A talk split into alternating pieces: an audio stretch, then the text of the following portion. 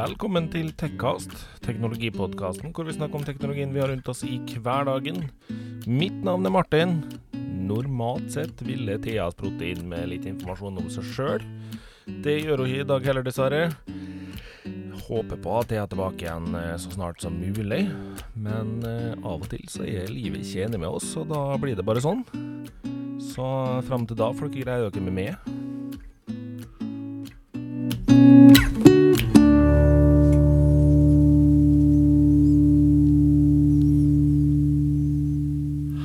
Folkens. Jeg regner med dere begynner å bli vant til å høre med. Så får vi håpe at vi har Thea tilbake som så snart som mulig her. Eh, som jeg sa sist, hun har ikke gitt seg. Hun har bare tatt ei lita pause, og det er lov. Så fram til hun er tilbake, så får dere rett og slett greie dere med meg. Kanskje kommer det inn en eh, gjesteprogramleder i neste episode. Eh, det gjør det også kanskje på en episode av Ufiltrert, så vi får se litt. Rann. Eh, vi håper i hvert fall på det. Eh, vi skal ha litt rann nyheter, og så skal vi selvfølgelig gå gjennom Google IO. Eh, vi starter med nyhetene. Ikke veldig mye nyheter, men vi skal gå gjennom litt rann her. Det ryktes at Netflix snuser litt rann på muligheten for å lansere en spilltjeneste for mobile enheter. Ryktene er litt flytende, nøyaktig på hva og hvordan eh, de har tenkt å gjøre det her. Eh, men det er altså snakk om innhold som er laga av Netflix, sapt kommer inn fra tredjepart. Eh, og det er flere som lurer på om dette her kan være snakk om spill i stil med Netflix sine egne serier og filmer. Og det er ganske mye å ta av der nå, så det kan bli spennende å se. Eh, det kan også være eller det går også litt spekulasjoner på om det kan være interaktive serier på vei. Men eh, det er ikke røpt noe lansering eller noen ting her. Eh, det som er røpt, er det at 2022 er i så fall tidligste mulighet for det her. Og det er jo ei lita stund frem i tid, men tida går jo fort, så Nei, vi får se. Eh, Snapchat har altså sluppet nok et par spectacles. Uh, til dere som ikke veit hva Spectacles er, så er det Snapchat sine solbriller.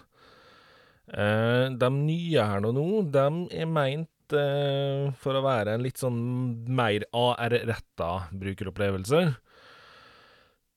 som da selvfølgelig filmer til Snapchat samtidig som du får en AR-opplevelse i brilleglassene. Og det er ikke Snapchat sitt første forsøk på briller. Uh, men nok en gang så er det ikke enkelt å skaffe seg dem her.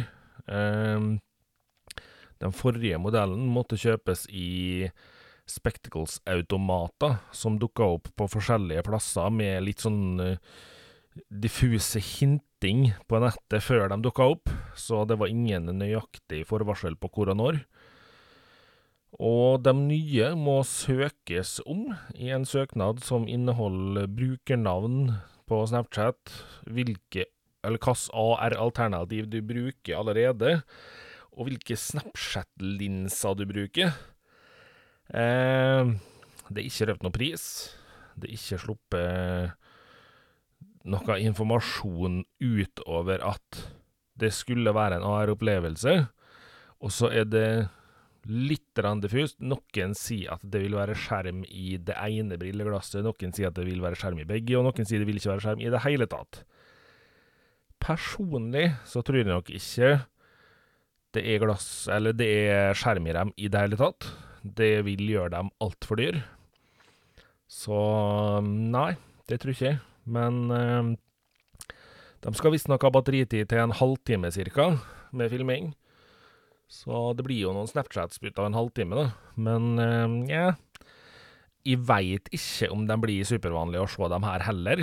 Eh, til nå så har jeg sett to mennesker til sammen med de forrige modellene av Spectacles.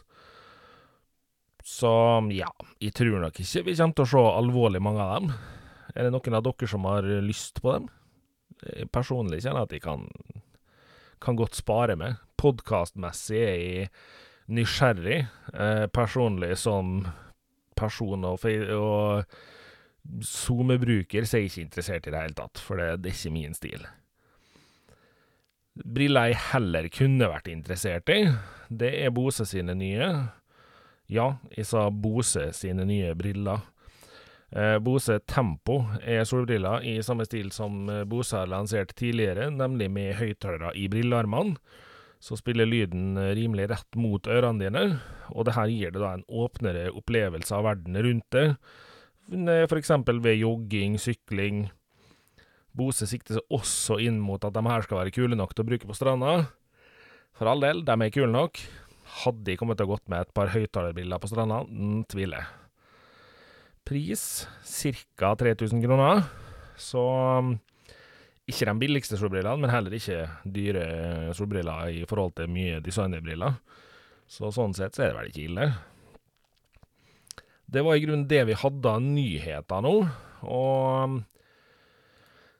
vi veit jo alle at den perioden vi er inne i nå, er ikke den mest spennende nyhetstida, og det det er nå litt sånn Det kommer litt etter litt. Det er Noen nyheter blir liksom hausa fole opp, mens eh, andre blir ikke hausa opp i det hele tatt, og så er det Ja. Det er en rar tid. Eh, covid har ført til veldig mye kjedelige nyhetsbiter på teknologi, og ja jeg tror nok vi kommer til å se det videre utover året her òg. Men jeg skal prøve å holde dere oppdatert så godt som mulig, i hvert fall. Uh, jeg kan nevne at uh, Microsoft holder på å prøve å blåse nytt liv i Surface Duo-telefonen sin. Telefonen som nummer én aldri kom skikkelig på markedet. Nummer to aldri tok helt av. Og nummer tre blei så nedhysja og så stille rundt at folk trodde den var død. Uh, nå har de prøvd uh, litt sånn halvhjerta, vil jeg påstå, å få telefonen opp og fram litt igjen. Uh, det har de gjort på den måten at de har vist at den kan kobles til Microsoft sin fjernspilling av Xbox-spill. Ja um, Helt ærlig, hvis du har uh, denne telefonen, så Det er ikke for å spille Xbox-spill du har kjøpt den telefonen der, i så fall. Uh, det tror jeg vi kan si. Um, syns det er en rar måte å gjøre det på. Uh, kan bli spennende å se om det funker. Jeg tviler litt på at det gjør det. Så ærlig må jeg bare være, altså. Det høres sikkert hardt og stygt ut, men sånn er det nå bare. Så ja. Nei, med det så tror jeg vi tar og hopper inn i det som er episoden i dag, som er Google IO, som gikk av stabelen her i forrige uke. 18., 19. og 20. mai gikk den av stabelen. Og det er jo spennende for oss som er innafor teknologi, eller i hvert fall har en stor interesse for det, og som da driver på med podkast og sånne ting, så er det jo spennende å følge med dem her. Hvor mange mennesker av vanlig dødelige som ikke er podkastere eller superteknologiinteressert, som sitter og syns det her er spennende, det veit ikke. Det er sikkert begrensa.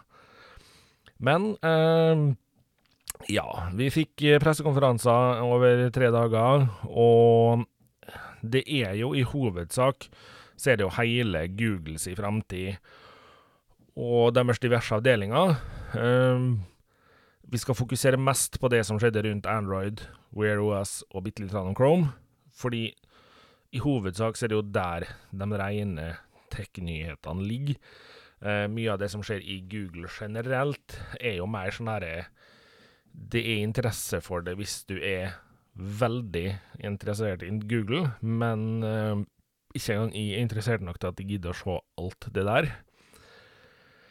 Men jeg skal starte med Google Chrome, som eh, det, er ikke, det er ikke den mest spennende nyheten, men den har en litt kul vri.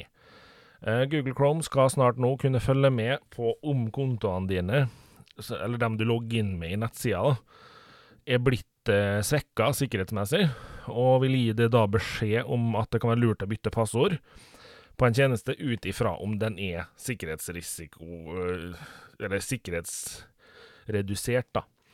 Og så kommer den litt kule vrien. Uh, Istedenfor at du da er nødt til å logge inn på La oss si at det her skjer med Spotify eller Netflix nå, da. Så istedenfor at du må logge inn på ei av de nettsidene, leite tak i min konto, bytte passord, alt det her, så skal visstnok Chrome gjøre det sånn at de sier at uh, du, passordet på eksempelvis da Spotify, Netflix eller hva som helst, er blitt svekka. Uh, vil du endre passord? Ja, nei. Svarer du ja, så spør den hva er det nye passordet du vil ha. Gjenta passordet, er du snill. Og så bytter Google Chrome passordet for deg. Det høres jo ut som at du er nødt til å ha Google sin uh, passordmanager-bit på der for å få det til å funke skikkelig. nøyaktig hvordan det her er gjort, har de ikke røpt ennå. men det høres jo spennende ut. Følg med. dere som har fulgt podkasten ei stund, vet at jeg bruker ikke Google sin passordmanager. Jeg bruker en egen en som ikke er linka til en, ei nettside eller en nettjeneste i det hele tatt. Så min er mm, per definisjon helt fristilt, eh, og jeg har dermed sjøl ansvaret for å ta vare på masterpassord og min nøkkelfil, som er mine sikringsmetoder inn på den passordmanageren. Eh, så dem har jeg jo Jeg må jo ha en kopi av den nøkkelen en plass, eh, fordi hvis jeg mister den, så får jo jeg aldri tak i passordene mine igjen. Så um, kanskje for noen er det her en litt enklere løsning. Eh, eller for de aller fleste, kanskje. Så ja. Uh, jeg veit jo at i Apple-verden så er keychain helt normalt. Der er det blitt sånn Det er blitt så standard at folk nesten blir sjokka hvis ikke det går an å bruke keychain på en ting. Og det jeg forstår det jo, men samtidig så er det jo Uten at jeg nå skal begi meg inn på nøyaktig hvordan Apple har løst det her, det skal jeg heller gå og prøve å finne ut av litt med noen som har Apple. Men det er jo litt spesielt at på Apple så er det så utbredt, mens i Android-verden så er det ikke utbredt i det hele tatt. Så det, det, det blei spennende. Det skal jeg faktisk notere her nå, for det, det her skal jeg tilbake til. Um, det her kjenner jeg at det her blei her ble jeg nysgjerrig med en gang, faktisk.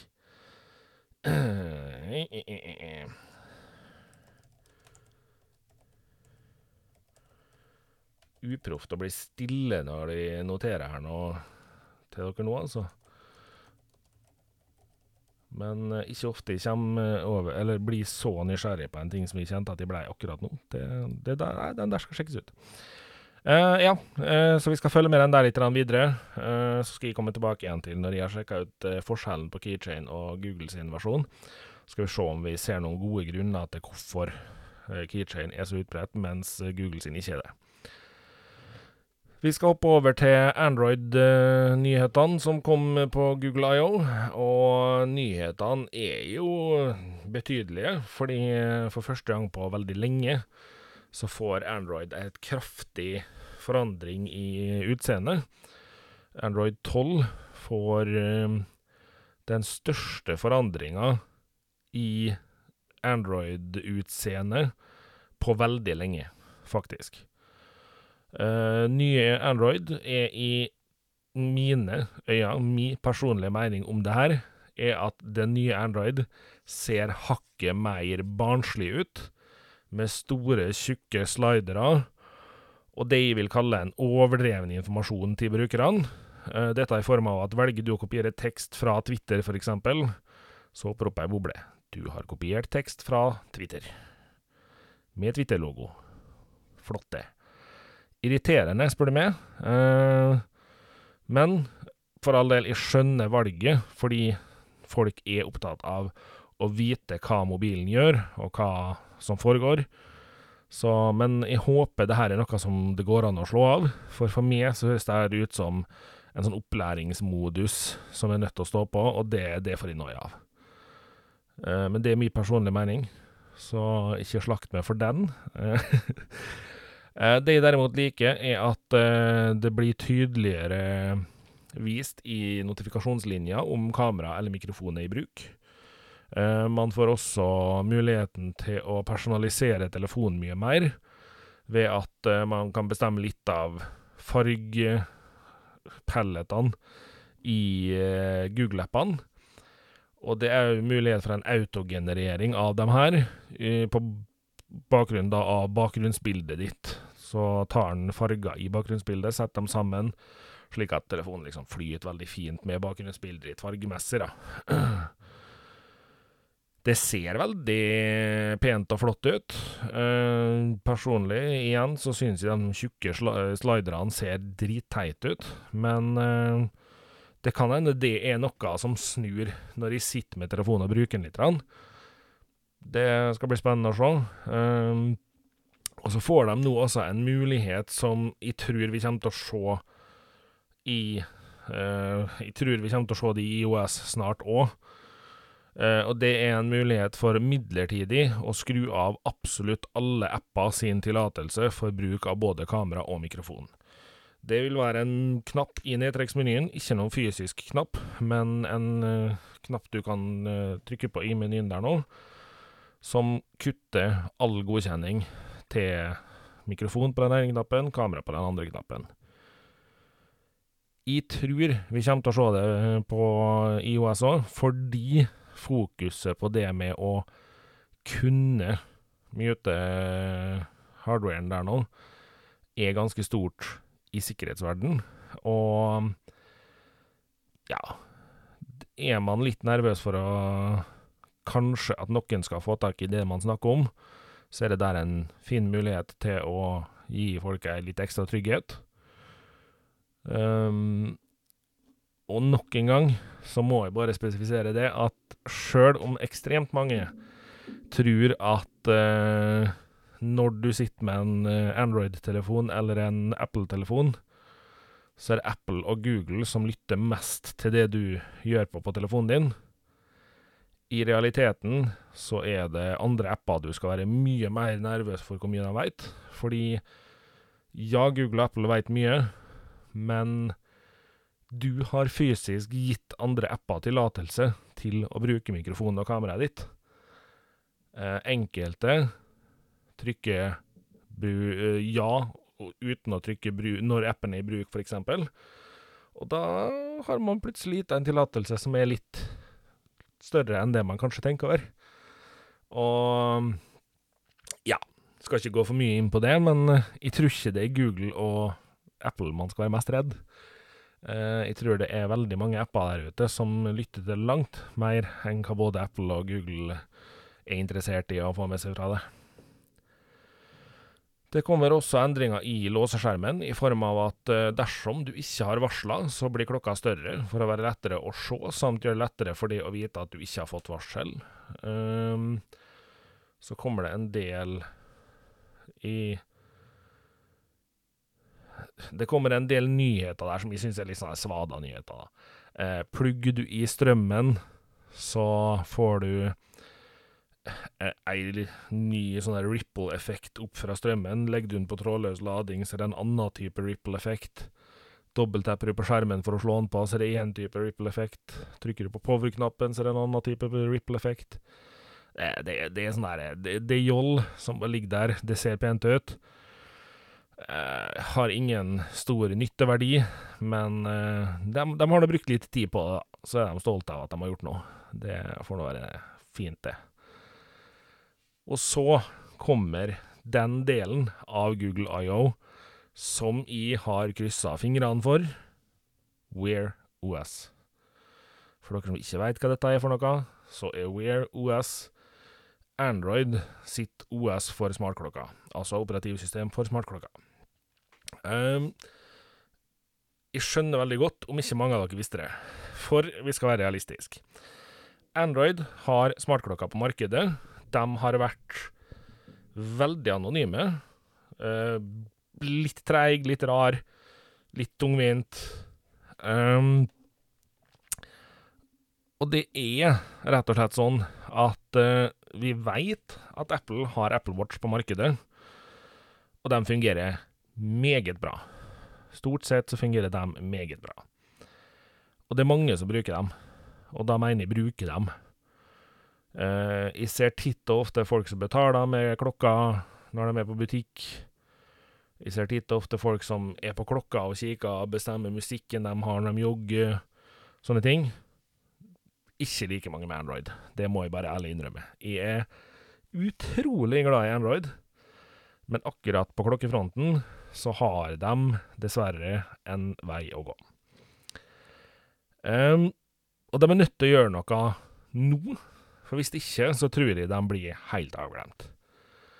Uh, og ryktene begynte jo å svirre veldig når Google tidligere her uh, kjøpte Fitbit, som er treningsklokka. Og mange frykta at det her betydde slutten på AirOS, og at det ble heller blei et Fitbit-retta OS på klokkene til Google. Men de har bestemt seg for å gjøre noe langt mer spennende enn det, og de har bestemt seg for å gjøre det ordentlig intenst òg, ser det ut til. For eh, Google har vært ute og eh, diskutert litt og smiska litt med et annet selskap i forkant av en del ting. Det ryktes at det her også er selskapet som skal hjelpe Google å produsere den neste Pixel-telefonen, uten at vi nå skal garantere noe, men det ryktes veldig sterkt at selskapet er med å produsere den. Selskapet heter Samsung, blir av meg omtalt som Apple Light, og kanskje er det litt håp hvis Google og Samsung eh, blir litt mer kompiser, om at Samsung skal tre litt bort fra Google Light-biten. Nei, ikke Google Light, Apple Light-biten. For det Samsung og Google nå har gjort, er at de har uh, gått inn og begynt å kikke litt på om de skal gjøre om på Wear OS i lag, og det har de blitt enige om å gjøre. Og da er dere som har ei Samsung-klokke nå, sannsynligvis klar over at uh, Samsung-klokka kjører jo ikke en ren Android, den kjører en uh, Tyson OS. Og Tyson på Samsung har gjort utrolig mye riktig. Det er veldig mye der som fungerer veldig ålreit, men så er de, uh, de også et steg unna det Apple Watch er. Og dermed så har de her to satt seg ned og diskutert litt. Og de slår seg sammen for å lage et nytt Wear OS, som blir Wear OS basert på Android. Og det blir ei blanding av Wear OS som det er i dag, Fitbit OS og Tyson OS. Alt i alt så ser det her meget lovende ut, og en av dem som gleder seg veldig, er jo i. Og jeg må si det at det ser sjukt lovende ut, men det er én ting her jeg er utrolig spent på. Apple Watch har fått et feste i smartklokkeverdenen som er tungt, det må vi si. Det er ganske mye folk som har Apple Watch. Skal Google og Samsung klare å konkurrere seg til å være en reell konkurrent i det markedet her, så mener jeg at de har en kjempemulighet nå når de bytter OS her nå. Men da er de nødt til å være lure. Hvis de nå oppdaterer de eksisterende Wear OS-klokkene og Samsung Tyson-klokkene til å ha det nye Wear OS, så får de kjempemange klokker på hendene til folk ute i den vanlige verden allerede som har nye Wear OS på seg. Da får folk oppleve, eh, forhåpentligvis her nå, da, en Android Wear på klokka som vil funke mye bedre enn den gjør i dag. Klarer de det, og de faktisk oppdaterer eksisterende klokker, så har jeg trua på at de kan klare å få markedet til å balanseres litt mer. De kan kanskje klare å få klokkene sine opp på samme nivå som Apple Watch er i dag. Men jeg frykter at de ikke gjør det. Jeg frykter at de sier at eh, ja, nå kommer det et nytt operativsystem til klokkene, og da må dere kjøpe dere ny klokke. Det vil ødelegge veldig mye av den strategien her for Google og Samsung. For jeg tror det at muligheten med å få ut alle de klokkene som altså Ta ett eksempel. Samsung har bøndla klokkene sine la med telefoner i tre telefonmodeller eller noe sånt nå. Og det er altfor mange Samsung-klokker der ute, og altfor mange Wear OS-klokker der ute, som bare støver ned fordi folk ikke gidder. Og her har Google og Samsung en kjempemulighet. Oppdater de eksisterende klokkene, få OS-et til å funke ordentlig, og jeg tror at det her kan bli kjempespennende. Ja, selvfølgelig må det komme nye klokker òg, men da kan folk ha fått en smaksbit, fått en liten smaksprøve, og så tenker de ja, nei, men det her er kult. Da gidder jeg faktisk oppdatere klokka mi. Nå gidder jeg å kjøpe meg en ny ei, fordi det her var kult. Klarer Google og Samsung å få Google Pay opp å gå, Samsung Pay opp å gå, jeg ser for meg at de blir enige om å bruke Google Pay nå, for i hvert fall på klokka, eller om det er mobilenheter som styrer det der. Veit ikke helt. Men uh, klarer de å få de tjenestene opp og gå, slik at man også med Android-klokke kan betale i butikken med klokka, istedenfor å fiske opp mobilen, istedenfor å fiske opp bankkortet, da begynner vi nok å kikke litt på spennende framtid. Klarer de også å få det sånn at du kan legge igjen mobiltelefonen og allikevel ha musikk til joggeturen. Kjempeidéer. Jeg tror ikke, sånn helt ærlig, så tror jeg ikke at uh, Android baserer seg på å um, ha den der stemmebiten på klokka med at du kan ta klokka, eller ta telefonen på klokka. Rett og slett fordi lydbildet du får fra ei klokke på en sånn samtale, er for dårlig. Er du tilkobla Bluetooth, OK, bedre, men klokkene er knøttsmå, batteriet er knøttsmå. Det er aldri god, lang samtaletid i dem. Små, kjappe beskjeder er bedre på tekstmelding. Kanskje bedre å fokusere på heller kunne svare med stemmebit, da. Jeg vet ikke. Men det kan hende jeg bommer helt der, men uh, jeg tror nok ikke de gjør det. Men uh, jeg krysser i hvert fall fingre og tær for at de nå oppdaterer eksisterende klokker i markedet, både fra Google Wear sine klokker og fra Samsung sine Tyson-klokker. For det, det, hadde vært kjempebra for planene deres om å komme seg opp og frem litt i det markedet der. Jeg vil nok tro at Apple Watch fortsatt kommer til å lede, fordi de har et langt forsprang og de har greid å komme med ei klokke som gjør at folk syns det er greit å bruke smartklokke. Og det er jo det jeg håper at Android får til nå. Jeg personlig har jo brukt uh, Android-klokka mi lenge. Jeg er på min andre Android-klokke, og jeg har brukt dem iherdig i mange år. Så jeg syns fortsatt at de, de, er brukende, men ja, de er for treige. De er for klønete å bruke. Så jeg er spent. Det her kan bli veldig spennende. Det kan det, altså. Det Og det er klart, nå har jeg brukt Wear OS såpass mye at jeg kan hvordan jeg skal bruke klokka mi, men det hadde vært utrolig gøy hvis den nye versjonen av Wear OS faktisk blei så mye bedre at opplevelsen av å bruke klokka blei helt ny. Sånn at jeg føler at oi, det her er faktisk virkelig et løft, og det her blir spennende. For da føler jeg at det er mer akseptabelt å også kjøpe seg en ny smartklokke når klokka mi dør. Uh, jeg, jeg, håper virkelig at det her blir bra, og jeg håper det skjer fort, for de trenger å komme i gang. Uh, med det så skal vi avslutte Google IO-biten. Uh, det var selvfølgelig mye mer der, men jeg skal ikke gå inn i detalj på absolutt alt, fordi det kan bli litt kjedelig for dere. Eh, Er det noe derfra dere lurer på, så send gjerne inn spørsmål.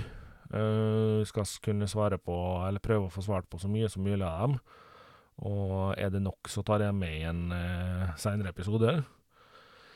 Det jeg må si sånn avslutningsvis om hele eventet, da, er det at um, uh, Eventet er greit løst, men jeg er ikke fan lenger, eller jeg har aldri vært fan av uh, publikumsløse eventer, fordi det blir Det blir flatt, og det blir kjedelig. Uh, jeg skjønner at covid drar med seg det her, men uansett hva selskap som prøver å gjøre det, uansett hva selskap som prøver å få det til å være tøft, det, det, blir flatt, det blir sjelløst, det blir kjedelig. Og det er ikke sånn at disse keynotene her nødvendigvis og er så hysterisk spennende for folk flest. Så det er liksom Jeg føler det trenger publikum for å være fornuftig, på en måte. Det er det, det, blir veldig tørt og veldig nerdete veldig fort når det er at det ikke er publikum der. Og det er liksom ikke, det er ikke noe show lenger, det er bare skjermer som viser fancy eh, videoer av ting. Det er små videosnutter før hver enkelt person prater. Det er liksom Jeg vet ikke, det, det mister bare så mye liv og piff at det, det er kjedelig. Uh, jeg har sett uh, mye av Google I.O. Har ikke greid å se alt, fordi det blir Det blir knusktørt, rett og slett. Og det um, sier vel litt, når de som driver podkast med det her, ikke engang kommer gjennom det. Så Ja, jeg vet ikke. Det er um, Jeg håper i hvert fall at vi etter i år får begynne å se uh, keynotes igjen med publikum, og at det blir litt mer liv for dem, altså. For det her, det her trenger virkelig å løftes litt. Det syns jeg.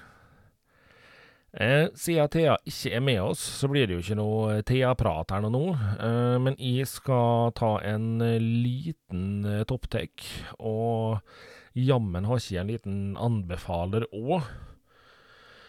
Så det Men eh, toppteken min, da Eh, kanskje litt kjip, med tanke på at jeg nå nettopp har sluttet å snakke om Google i ei lita evighet. For jeg skal snakke om enda mer Google. eh, og grunnen til det er rett og slett fordi at, eh, som mange av dere veit, så er jeg eh, en av dem som bruker Chromebook istedenfor vanlig laptop. Og jeg er megafornøyd med Chromebooken min. Eh, det jeg skal snakke om i dag, er ei oppdatering som kom til Chromebooken for ei lita stund siden, og som nå har blitt stabil og ryddig og ordentlig.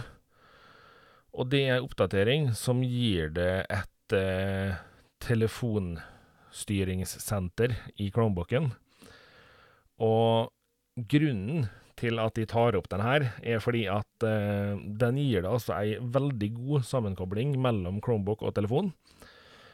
Og etter den oppdateringa her, så er det blitt sånn at hvis jeg er en plass hvor jeg ikke har Wifi, som jeg kobler Chromebooken min til, og jeg starter av Chromebooken og sitter og f.eks. skal åpne et uh, Google Disk-dokument, skal sitte og skrive et referat fra et møte eller noe. Så spør Chromebooken meg vil du koble det på mobil-wifien din nå. Og hvis de svarer ja da, så kobler han seg automatisk til hotspot på telefonen min. Setter i gang alt det uten at de trenger å trykke noen ting på telefonen. Og det fungerer hver gang. Aldri hatt problemer ennå. Og det er jo kjempegreit. For sitter du i et møte, f.eks., så er det ingenting som er mer irriterende enn når personen drar opp mobiltelefonen og sitter og trykker. Du har også muligheten til å mute telefonen fra Chromebooken, og det er kjempepraktisk. Um, så har du muligheten til å låse opp Chromebooken ved at uh, du låser opp mobilen. Så enten bruker fingeravtrykk eller ansiktsgjenkjenning på telefonen, med en gang den låses opp, så er det bare å trykke på bildet ditt på Chromebooken, så logger du, seg, logger du det rett inn på kontoen din. Uh, det er en knøttliten funksjon, men det er veldig ålreit å slippe å skrive passord for å logges inn. Og flere og flere PC-er er jo kommet med fingeravtrykkssensor. Chromebookene har ikke gjort det ennå, så de her funksjonen her er jo en fin mellomting. Fordi det gir deg muligheten til at du i hvert fall kan låse den opp uten å skrive passord. Og så er det mulighet der for å sette opp funksjonen sånn at uh, hvis du tar med deg mobilen og går bort fra Chromebooken, så låses Chromebooken når Bluetoothen kobles av mellom dem to. Og det er jo en fin ting å ha hvis man uh, går lenger vekk fra maskinen enn man hadde tenkt, eller glemmer å låse henne før man går fra henne, eller noe sånt noe. Så er man jo liksom i det trygge med at uh, den blir låst når du går fra den. Det er jo praktisk. Og nå kommer det helt sikkert til å komme noen meldinger fra lyttere om at uh, sånn har det vært på Mac uh, lenge. Jeg veit ikke om det har vært sånn lenge, men for all del, har det vært sånn, så kjemper jeg her. Fordi akkurat den funksjonen her, begge deler av den, uh, er faktisk kjempegod. Og er en del jeg syns er veldig praktisk. Det gjør jo at det blir mindre behov for å ha datasim, f.eks., i Chromebooken. Det, Chromebooken min støtter jo ikke engang, men jeg savner jo heller ikke noe pga. den funksjonen her.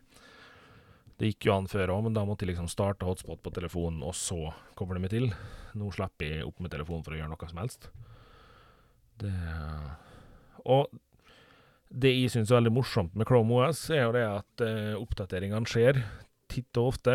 Det er ålreite, ryddige oppdateringer, og det er jevnt over veldig ålreit å bruke, så framt du er klar over begrensningene med det, fordi det har jo sine begrensninger. Så, men eh, sånn er det jo med mye. Så personlig så er jeg veldig fornøyd, og jeg veit at uh, min mor er det. Og jeg veit at uh, jeg har flere venner som også er veldig fornøyd med Chromebook i bruk på samme måte som det jeg, jeg gjør, da. Så det Det er jo veldig ålreit. Eh, vi skal ha med en liten vi anbefaler. Eh, han er ikke så veldig liten, men vi har snakka om den før, så vi skal ikke være veldig langdryg på han.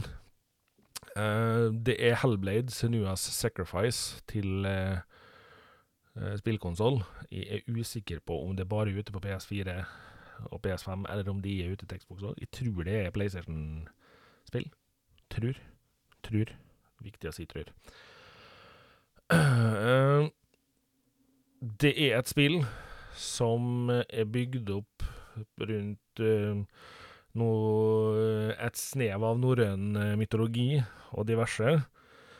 Men hoveddelen i spillet går på uh, Senua sin kamp med sine sykdommer sine psykoser, eller hva man nå skal kalle det. Um, og måten du liksom blir kjent med det her på i spillet, er at når du begynner å spille, så hører du hodene Senua har i hodet Nei, hører du hodene hun har i hodet, hører du? Hører du stemmene Senua har i hodet? Og det er tidvis helt sprøtt. Tidvis sjukt irriterende tidvis plagsomt, men også tidvis ekstremt fascinerende.